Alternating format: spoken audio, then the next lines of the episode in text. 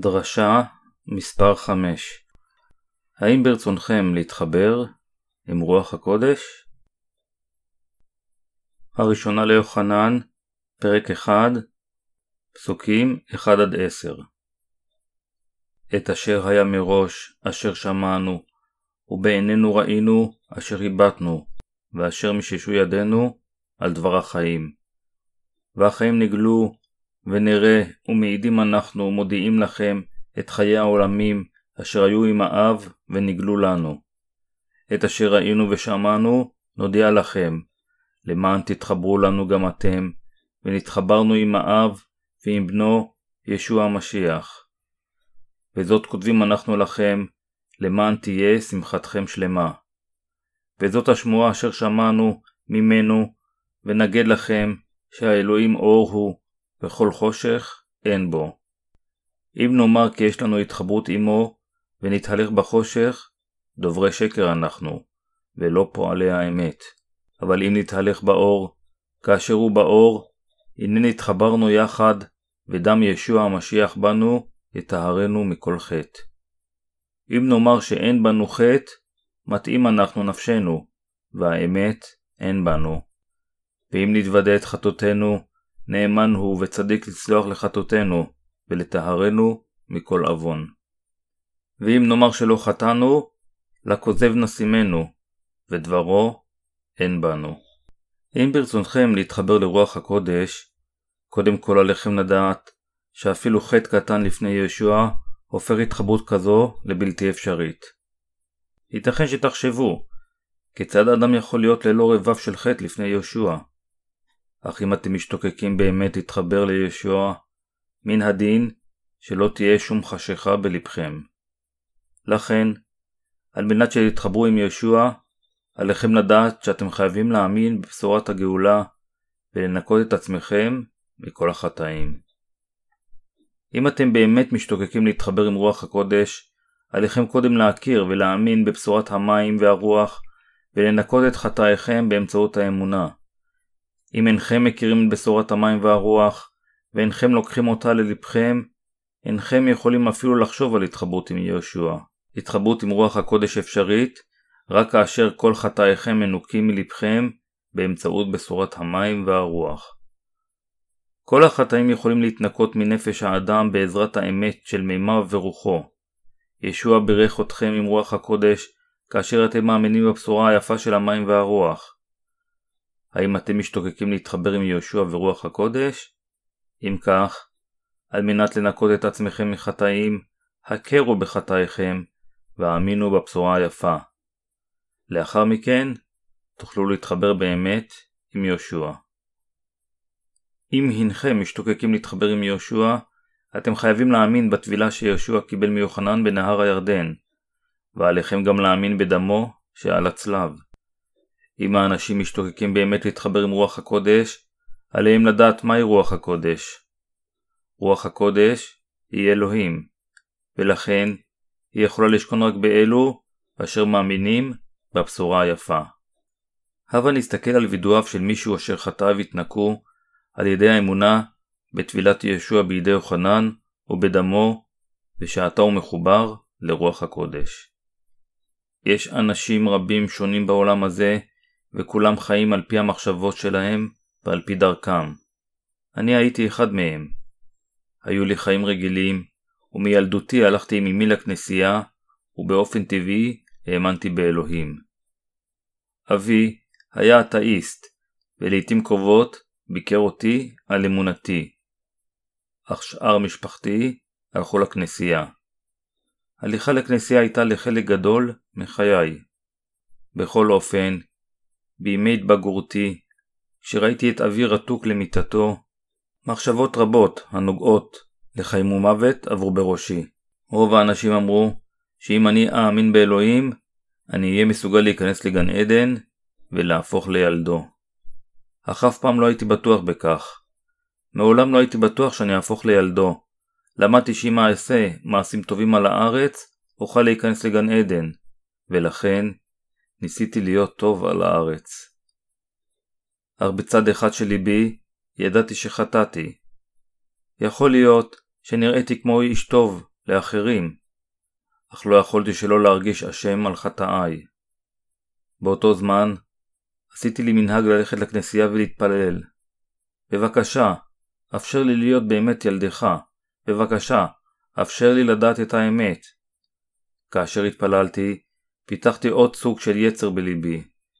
כל פעם שלמדתי והאמנתי לדבריו, לא יכולתי להבין או לראות את הדברים. הייתי שחוק מהריקנות של חיי, חטאיי, מותי וכולי. היו לי מחשבות כמו אני רוצה להיוולד מחדש. אם ייוולד מחדש, אני לא אנהל את חיי בצורה כזאת. אך למרות מחשבות אלו, הלכתי פחות ופחות לכנסייה, וימי בגרותי עברו. עתה, הייתי חייב למצוא עבודה, אך זה היה קשה יותר משחשבתי. הייתי במצוקה גדולה יותר, ולא משנה עד כמה שניסיתי, לא יכולתי לחייך. כאשר הסתכלתי על עצמי בלב ריק, שקעתי במצב של דיכאון.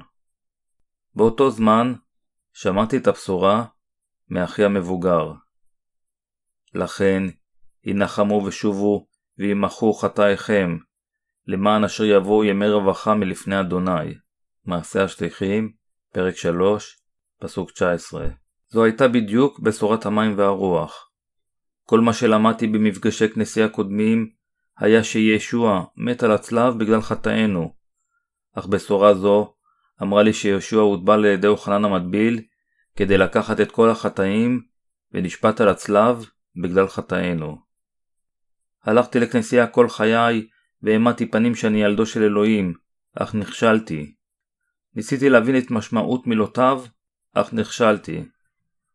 בכל אופן, לאחר ששמעתי את הבשורה היפה של המים והרוח והאמנתי בה, החטאים שבי, וכל הדברים אשר ייסרו אותי, נעלמו, וליבי הפך לשלב. חשבתי שאם רק אאמין בהתלהבות באלוהים, ואבקר בכנסייה בנוכחות מתמדת, אני אלך לגן עדן.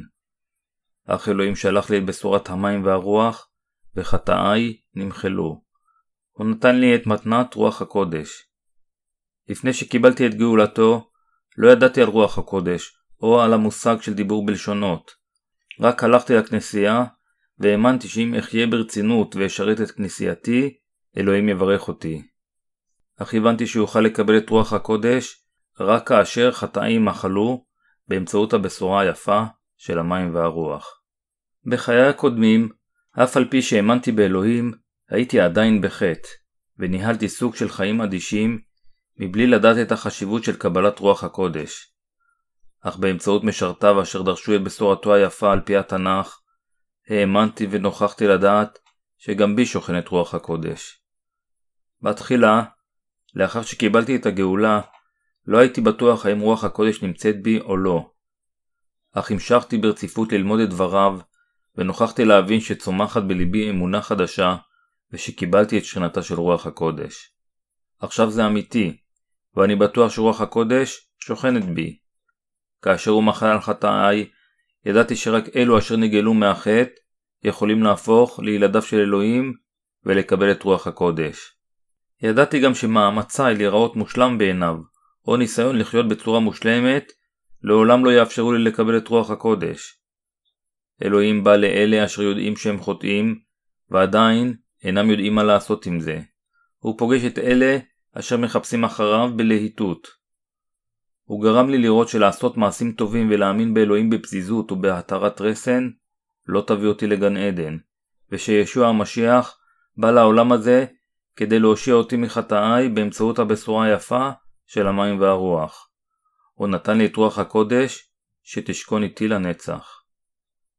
אני מודה לאלוהים על שעשה אותי לילדו, ועל שברך אותי בשכנתה של רוח הקודש. לולא ישוע, היה לי עדיין חטא בליבי, והייתי נידון למאסר עולם נצחי בגיהנום.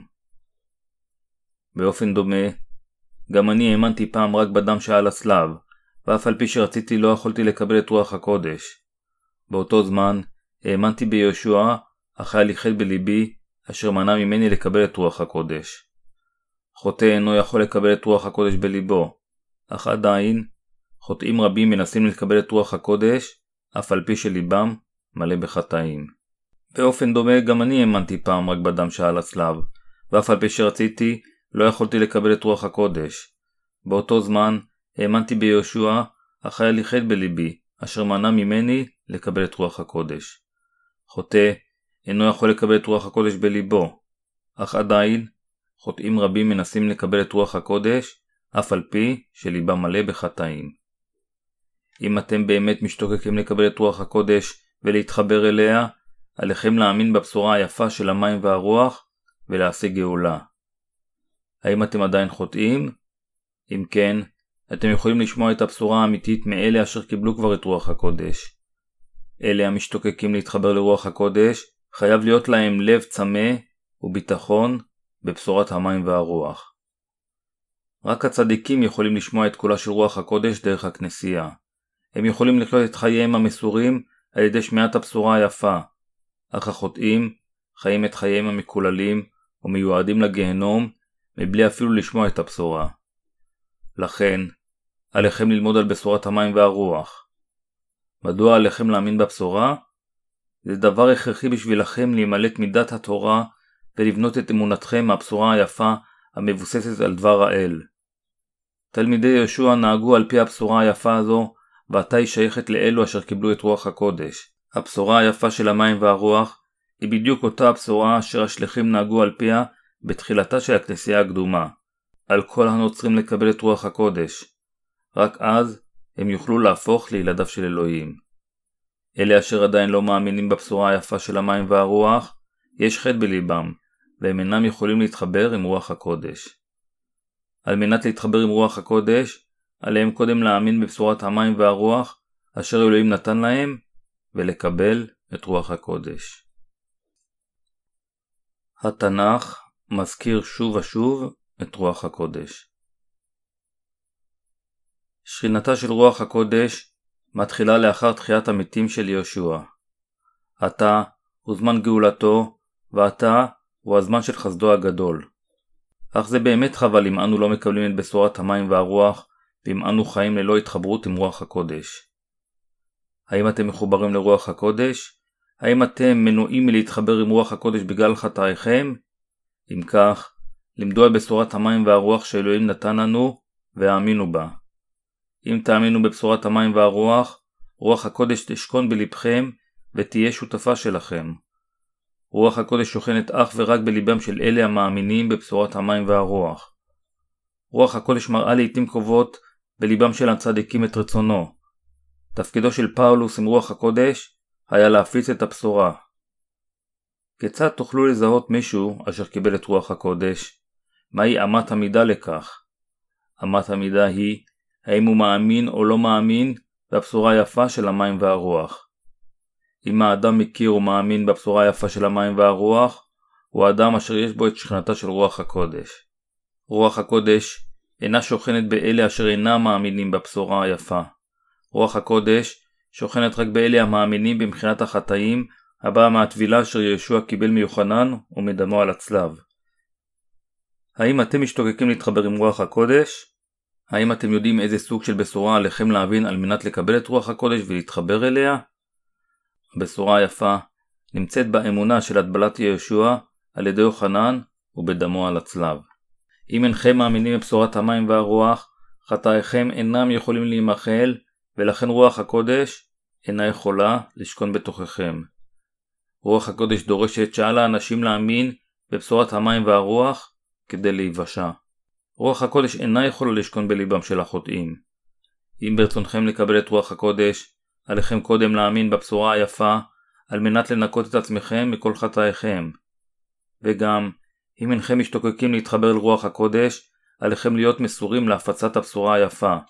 אם ברצונכם להיות מונחים על ידי רוח הקודש, עליכם לאהוב תמיד את הבשורה היפה ולנסות להפיצה בכל מקום שתלכו. רוח הקודש נמצאת באלה אשר מטיפים על בשורת המים והרוח. שכינתה של רוח הקודש ניתנת רק לצדיקים, אלה אשר מאמינים בבשורה היפה. רק הצדיקים אשר מאמינים בבשורה היפה יכולים להתחבר עם רוח הקודש.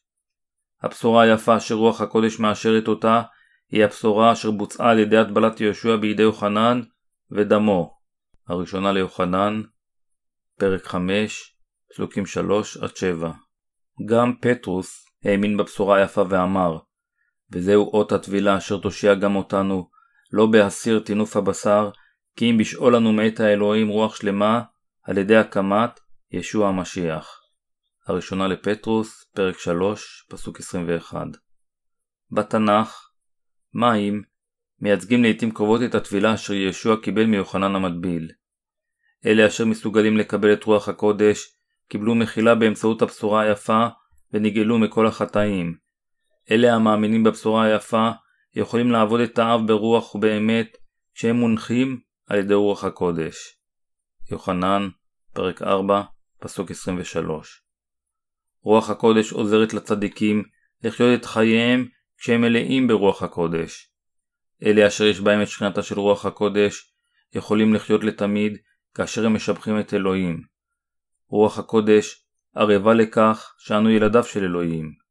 יהי רצון שנחיה לתמיד עם בשורת המים והרוח ועם רוח הקודש. רוח הקודש אינה מתחברת עם אלה המרמים את עצמם. בראשונה ליוחנן, פרק 1 פסוק 8, רוח הקודש אומרת לחוטאים אם נאמר שאין בנו חטא, מתאים אנחנו נפשנו, והאמת אין בנו. רוח הקודש אינה יכולה לשכון באלה אשר מרמים את עצמם. רוח הקודש גוערת בחוטאים ואומרת, מדוע לא האמנת בבשורה היפה שבוצעה על ידי טבילת יהושע ודמו? אנו נסתכל על וידויו של נוצרי שנולד מחדש, אשר האמין בתחילה שהוא קיבל את רוח הקודש, בלי העדות של טבילת ישוע ודמו. אדם זה מאמין עתה בבשורת המים והרוח, וקיבל את רוח הקודש. כאן עלינו לראות במי בדיוק שוכנת רוח הקודש. אלוהים החל לחיות בליבי כאשר הבנתי את הסיבה לקיומו של עולם זה. כאשר הסתכלתי על עצמי וחשבתי שחולשתי לחיות בעולם אכזר זה נובעת מרצונו של אלוהים. לא חיפשתי את אלוהים, אלא באופן טבעי האמנתי בקיומו שהוא שם, למרות שהוא לא נראה. כמובן ששאלתי את עצמי, האם הוא באמת שם? אך אפילו המחשבה על כך הפחידה אותי, כיוון שהאמנתי בצורה איתנה שהוא יוצר הכל. אלה אשר דחו את אלוהים נראו טיפשים, אך איכשהו הרבה יותר חזקים ממני. הם נראו כאילו הם יכולים לעבור כל דבר בעצמם, ומצד שני אני נראיתי כמו חלש, שוטה. אך כיוון שהייתה לי תקווה לחיים שלאחר המוות, הסתכלתי על אלוהים בהערכה אף יותר גדולה. תהיתי האם גן עדן הוא מקום לאנשים כמוני אשר תמיד מרגישים בחיסרון, ושאלה זו גרמה לי להשתוקק יותר לגן העדן השמימי. הוריי בזו לאנשים עם דת, ואחיי ואחיותיי הלכו לכנסייה אך לא בהתמסרות. הם חשבו שהתמסרותי לכנסייה תגבה בקרוב, ולכן עד שהגעתי לחטיבת ביניים, הם לא מנעו ממני ללכת לכנסייה. כשהגעתי לקולג' עברתי מכנסייה לכנסייה עד שלבסוף הלכתי לכנסייה קטנה ליד ביתי. הסיבה לכך שבחרתי בכנסייה זו היא שכנסייה זו נתנה דגש חזק על הבשורה. הכומר של הכנסייה היה מעורר לתשובה אוונגליסט שלכאורה לא עשה שום דבר אשר מפר את דבר התנ"ך. הייתה סיבה לכך שניהלתי אורח חיים דתי רציני, אפילו שהייתי לחוץ מלימודיי. הסיבה הייתה שכאשר אנשים היו מכנים את חברי הכנסייה שלי עובדי אלילים, האמנתי שכנסייתי צודקת, והייתי בטוח שאלך לגן עדן. זה היה בוודאות מבוסס על הבשורה. הם אמרו שחוטאים אינם יכולים להיכנס בשערי גן עדן, אך גם כנסיות אחרות אמרו שליבם מלא בחטאים. גם אני האמנתי שאנשי כנסייתי היו חוטאים לפני האל, לפני שהצטרפתי לכנסייה. לכן, לא חשבתי יותר מדי על דברי ביקורת אלו. אך אותם אלו שנקראו מעוררי תשובה אוונגליסטים היו שונים מכל מה שהתנסיתי בעבר. הם אמרו שאם אנו מאמינים בישוע בדרך הנכונה, אנו חפי חטא, ורק אלה אשר הם חפי חטא יכולים להיכנס לגן עדן. הם גם אמרו שישוע נתן לנו צדק על הצלב, ולכן אנו איננו חוטאים אלא צדיקים. לא האמנתי בזה בתחילה, אך כאשר חשבתי על זה, זה נשמע הגיוני. אם אני אהיה חף מחטא, אלוהים יאפשר לי להיכנס לשם, כיוון שאלוהים מתעב חטאים. לכנסייה זו הייתה אמונה שונה מכל מה שהכרתי, והתפילה הייתה שונה גם.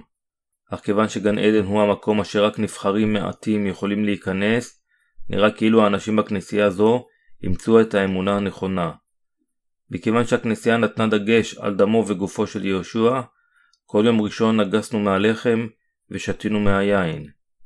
כיוון שטקס זה היה מבוסס על דברי התנ"ך, קיבלתי אותו. אך מאוחר יותר גיליתי שאנשים לקחו רק חלק מהטקס מבלי לדעת את משמעותו. האמנתי שרוח הקודש שוכנת בליבם של המאמינים והצדיקים ושהוא שומע את כל תפילותיהם. לכן, האמנתי שרוח הקודש גם שוכנת בי. הייתי כל כך בטוח שאלוהים הוא שותפי, ומעולם לא פקפקתי בבשורה שבה האמנתי. כאשר עברתי זמנים קשים, דיברתי אל אלוהים, כאילו הוא ממש לידי. הבנתי שהוא מקשיב לי כאשר סיפרתי לו דברים שלא יכולתי לספר לאף אחד אחר. האמנתי בו ובטחתי בו. לא יכולתי להבין את אלה אשר הלכו לכנסי התעוררות כדי לדבר בלשונות, וצחקתי על אלה אשר הצטרפו לתפילות צום. כשהסתכלתי על מאמצים אלו חשבתי, מדוע הם מתנסים במאמצים חסרי טעם שכאלו, כדי לקבל את רוח הקודש? רוח הקודש באה רק לאלו אשר הם חפי חץ, ונשארת איתם לתמיד. בטוח שהם חוטאים, היא לא תבוא אליהם אפילו עם כל מאמציהם. ריחמתי עליהם, חשבתי שהם כל כך טיפשים. עם דברים אלו בראשי, האמנתי שאמונתי בבשורה הייתה הטובה ביותר, ואמונתם של אחרים הייתה שקרית. ליבי השחצן הגיע לשיאו. במשך עשר שנים ניהלתי אורח חיים דתי בעצמי, אך ככל שעבר הזמן, שאלות החלו להתעורר בליבי ובמוחי. חשבתי, אני חף מחטא הודות לבשורת הדם שעל הצלב, אך האם שאר המאמינים גם חפי חטא? האם הם גם מאמינים באמת בבשורה? אינני יודע מדוע התחלתי לשאול שאלות אלו. השאלות פשוט באו לראשי, ולא יכולתי לשאול אף אחד. זו הייתה אמונה אישית, אשר אל לי להפר אותה, וזאת תהיה שאלה חצופה אם אשאל מישהו אחר. אך התחלתי לשאול שאלות אלו את עצמי. כאשר הייתי בקולג' התחלתי לעשות דברים אשר היו אסורים מבחינה דתית, וליבי הפך לכל כך קודר, כך שאמונתי החלה להצטמצם. לא הייתי בטוח יותר באמונתי. האם אני יכול לקרוא לעצמי אדם צדיק? האם ישוע ניקה אותי מכל חטאיי? כשהייתי מבולבל, הכרחתי את עצמי לחשוב על הבשורה של הצלב, ושטפתי את מוחי איתה. אך ככל שהכרחתי את עצמי, הייתי יותר מבולבל, ולא ביקרתי יותר בתפילות הכנסייה. השתמשתי בפעילותי במועדון כתירוץ. בין כל הבלבול והנבוכות, פגשתי לבסוף את האמת. שמעתי על בשורת המים והרוח, והיא באה אליי כמו הבזק של ברק. ההשפעה הייתה כה גדולה, כך שבא לי לבכות. אולם כשהאזנתי לבשורה, הייתי חייב להודות בכך שכל מה שהאמנתי עד אז, היה מוטעה. מעולם לא העברתי את כל חטאיי על יהושע. האמנתי בצורה מעורפלת שהוא לקח את חטאיי ושהייתי אדם חף מחטא, אך זה לא המקרה. מדוע ישוע בא לעולם הזה כדי להתאבל? האם זה היה כיוון שהוא רצה להראות לנו שהוא היה צייתן כשה? האם זה היה כדי להוכיח שהוא בא כאדם? או כדי לנבא את מותו הבלתי נמנע? מעולם לא תיארתי שלידע המעומעם שהיה לי על הטבילה יש חשיבות גדולה. האמת הייתה שיהושע הוטבל על ידי אוחנן, נציגם של כל בני האדם, ועם טבילתו, כל חטאינו הועברו עליו. או, זו הסיבה שיהושע נהיה לשיא האלוהים אשר נשא איתו את כל חטאינו. עכשיו הכל היה הגיוני. ישוע נצלב בגלל חטאי על הצלב, וזוהי הסיבה שאני חף מחטא בליבי. ברגע שידעתי על בשורת המים, טבילת יהושע, הדם, הצלב, ורוח הקודש, ישוע הוא האלוהים, החטאים אשר הרגשתי בליבי, נעלמו. עתה, אני באמת חף מפשע, אדם צדיק, ורוח הקודש שוכנת לבסוף בליבי. האמונה אשר האמנתי בצלב לא הספיקה לניקוי החטאים אשר היו לי בליבי. אם אינכם יודעים בדיוק כיצד חטאיכם הועברו על ישוע, חטאיכם אינם יכולים להימחל, ורוח הקודש לא תוכל לשכון בכם. אני מודה לישוע, נהייתי מסוגל לקבל את רוח הקודש באמצעות הבשורה היפה. ללא כל מאמץ, נסלח לי באמצעות בשורת המים והרוח, ורוח הקודש שוכנת בי עתה ולתמיד. עכשיו אני יכול לקרוא לעצמי בגאווה, אדם חף מחטא, ויכול להיות גאה שמלכות השמיים היא שלי. אני מנצל הזדמנות זו כדי להודות ליהושע על שנתן לי ברכה כזו ללא שום מחיר. הללויה. אלה אשר קיבלו את רוח הקודש יכולים להגיד שהם חפי חטא בנוכחותו של אלוהים. לא משנה כמה זמן אינכם מאמינים בישוע, אם אינכם מאמינים בבשורה היפה אשר אלוהים נתן לנו, אין ספק שיש חטא בלבכם. אנשים כאלה מרמים את עצמם ואת אלוהים. אנשים אלו מעולם לא פגשו את ישוע. אם חוטא משתוקק להתחבר עם רוח הקודש, הוא חייב קודם להפסיק לרמות את עצמו ולהתוודות על כך שהוא חטא. רק אז הוא יהיה כשיר להאמין בבשורת המים והרוח. אלה המאמינים בבשורה היפה ראויים לקבל את רוח הקודש. מה רוח הקודש אומרת לחוטאים? היא מייעצת להם להשיג מחילת חטאים על ידי האמונה בבשורה היפה אשר בוצעה על ידי טבילת ישוע ודמו. אם אתם אומרים שאינכם חוטאים כאשר חטאתם, לעולם לא תקבלו את רוח הקודש. אלה שאינם מאמינים בבשורה היפה ואומרים שהם לא חטאו, מרמים גם את אלוהים וגם את עצמם. על החוטאים להכיר את בשורת המים והרוח ולקבל את רוח הקודש. רק אז הם יוכלו להינצל מדינו הקשה של אלוהים. הצדיקים יכולים להתחבר עם רוח הקודש על ידי התוודות על חטאיהם. אני מדבר לאלה אשר מאמינים בבשורת המים והרוח ולפיכך קיבלו את רוח הקודש. הבה נסתכל מה אלוהים אמר לצדיקים. בראשונה ליוחנן פרק 1 פסוק 9 נאמר ואם נתוודה את חטאתנו, נאמן הוא וצדיק לסלוח לנו את חטאתנו ולטהרנו מכל עוון. המשמעות של פסוק זה הוא שאנו יכולים לנקות את חטאינו הממשיים מליבנו המזוהם על ידי שנזכיר לעצמנו ונאמין בבשורה היפה אשר מצהירה שישוע לקח את כל חטאינו כאשר הוטבל וכיפר עליהם כאשר נצלב. הצדיקים צריכים להתוודות על חטאיהם היומיומיים לאלוהים. רק אז הם יוכלו להתחבר עם רוח הקודש. על הצדיקים להתוודות על חטאיהם היומיומיים ולהמשיך ולהאמין בבשורה היפה. לפני זמן רב, הבשורה היפה של טבילת יהושע ודמו נקטה את כל חטאינו, ולכן על הצדיקים להאמין בבשורה זו ולהיגאל מכל חטאיהם. ישוע כבר מחל על כל החטאים באמצעות בשורת המים והרוח. הצדיקים חייבים להאמין בבשורה היפה כדי להיות משוחררים מחטאיהם. על ידי האמונה בבשורה היפה של המים והרוח, הצדיקים יכולים לטהר את ליבם כאשר הם מזוהמים בחטאיהם היומיומיים. אדוננו ניקה את כל החטאים של הצדיקים לפני זמן רב עם טבילתו ודמו.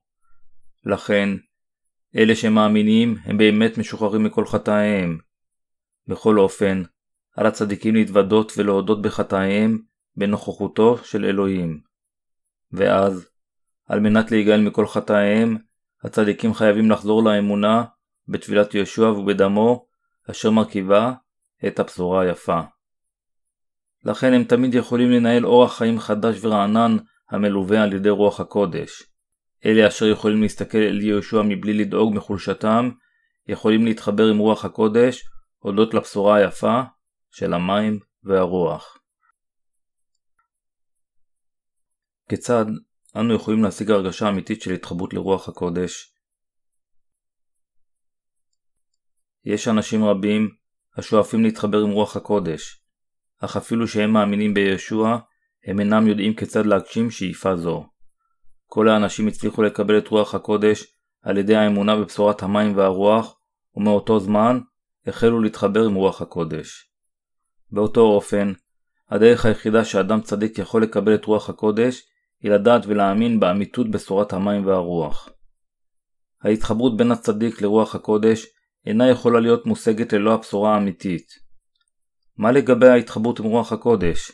היא אפשרית רק על ידי האמונה באמיתות הבשורה היפה. אלוהים אמר שהאדם חוטא במשך כל חייו. בראשונה ליוחנן פרק 1 פסוק 10 נאמר ואם נאמר כי לא חטאנו, לכוזב נשימנו, ודברו אין בנו. אין אף אחד שלא חטא לפני אלוהים. אפילו התנ"ך אומר כי אדם אין צדיק בארץ, אשר יעשה טוב ולא יחטא. קהלת, פרק 7, פסוק 20 כל האנשים חוטאים לפני אלוהים. אם מישהו אומר שהוא לא חטא, הוא שקרן. האנשים חוטאים במשך חייהם עד שעת מיתתם, וזוהי הסיבה שיהושע הוטבל על ידי יוחנן כדי לקבור את כל חטאיהם. אם לא היינו חוטאים, לא היינו צריכים להאמין באלוהים כמושיענו. ישוע אומר, דברי אינו נמצא בך, לאלה החושבים שהם לא חטאו. אם לאדם אין אמונה בבשורה היפה של המים והרוח, הוא ראוי להשמדה. אם אדם צדיק או חוטא אומר שהוא לא חטא בנוכחותו של האל, הוא אינו ראוי להאמין בבשורה היפה.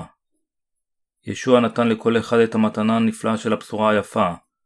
אנו מתוודים על חטאינו וחוזרים בתשובה על מנת לקבל מחילת חטאים מהבשורה היפה. אנו יכולים לחזור אל הבשורה היפה אשר אלוהים העניק לנו כמחילה על חטאינו ולהאמין בה על מנת להתחבר עם רוח הקודש. הרגשה אמיתית של התחברות עם רוח הקודש נמצאת בבשורת המים והרוח, ורק אלה שיש להם את בשורת המים והרוח יכולים להתחבר עם אלוהים. בני האדם היו רחוקים מאלוהים בגלל החטאים אשר הם ירשו מאדם וחווה. עתה אנו, אשר ירשנו את זרע החטא, יכולים לצפות להתחבר שוב מחדש עם אלוהים. על מנת לעשות כן, עלינו לחזור לאמונה בבשורת המים והרוח של ישוע המשיח, ולהימחל מהחטאים אשר הרחיקו כל כך בינינו לבין האלוהים. אלה אשר מאמינים בבשורה היפה, יבשעו מכל חטאיהם, ואלוהים ימלא אותם ברוח הקודש. הצדיקים יכולים להתחבר עם אלוהים כיוון שהם קיבלו את רוח הקודש. לכן, אלה אשר נותקו מאלוהים בגלל חטאיהם, חייבים לחזור לבשורה היפה של המים והרוח, ולהאמין בה. רק אז יכולה להתחיל להיות להם התחברות אמיתית עמו. שכינתה של רוח הקודש באה עם האמונה בבשורה היפה. עלינו לדעת ששכינתה של רוח הקודש באה רק באמצעות האמונה בבשורת המים והרוח. האמונה בבשורה היפה יוצרת נתיב חדש לאלוהים. ישוע שבר את הקיר האמצעי אשר הפריד אותנו ממנו עקב החטא הקדמון וחטאי היומיום שלנו, ואפשר לנו להיות מחוברים לאלוהים באמצעות אמונתנו בבשורה היפה של המים והרוח. עלינו לייסד שוב התחברות חדשה עם רוח הקודש. התחברות אמיתית עם רוח הקודש מושגת על ידי ציות לאמונה באמצעות הבנת בשורת המים והרוח. ההתחברות עם רוח הקודש מתרחשת כאשר יש לנו אמונה בעובדה שמחילת חטאינו באה מהבשורה היפה. אלה אשר לא השיגו מחילה על חטאיהם אינם יכולים להתחבר עם רוח הקודש. במילים אחרות, אף אחד אינו יכול להתחבר עם רוח הקודש ללא האמונה בבשורת המים והרוח. אם קשה לכם להתחבר עם רוח הקודש, עליכם להודות בכך שאינכם מאמינים בבשורת המים והרוח ושחטאיכם לא נמחלו. האם ברצונכם להתחבר עם רוח הקודש?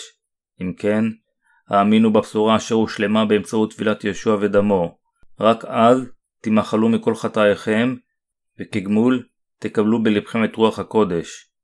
הבשורה היפה יכולה ללא ספק להעניק לכם שותפות עם רוח הקודש.